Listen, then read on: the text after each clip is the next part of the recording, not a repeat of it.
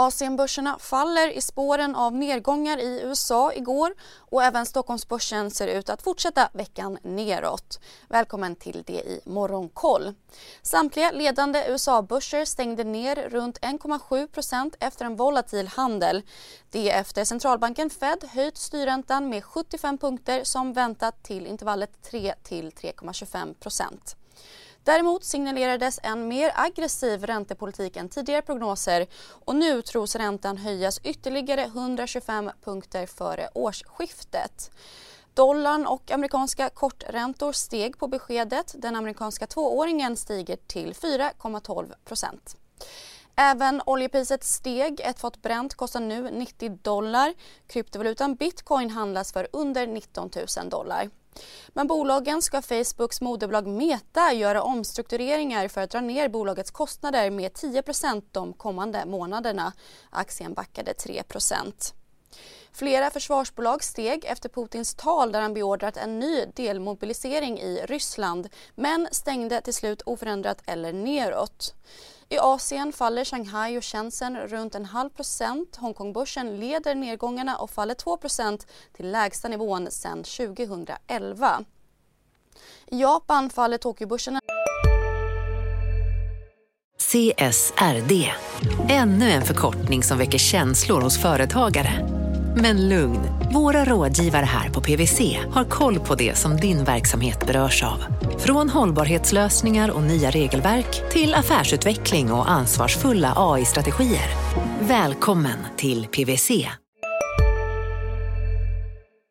procent.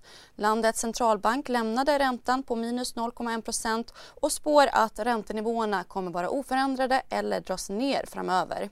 Den japanska yenen tappar mot dollarn. Även kinesiska valutan tappar trots myndigheters försök att stärka valutan. Bland bolagen pressas exportorienterade högriskbolag efter USAs räntehöjning.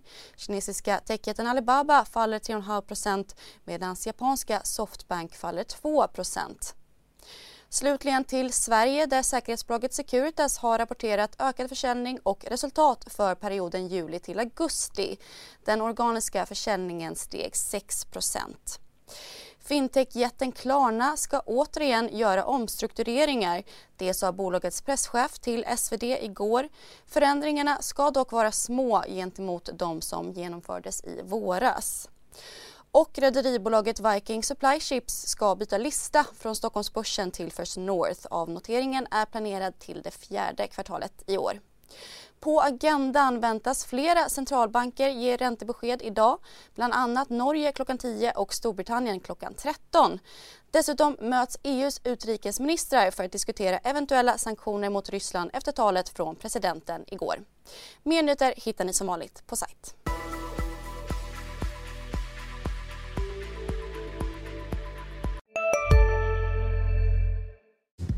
Hej, Synoptik här. Så här års är det extra viktigt att du skyddar dina ögon mot solens skadliga strålar.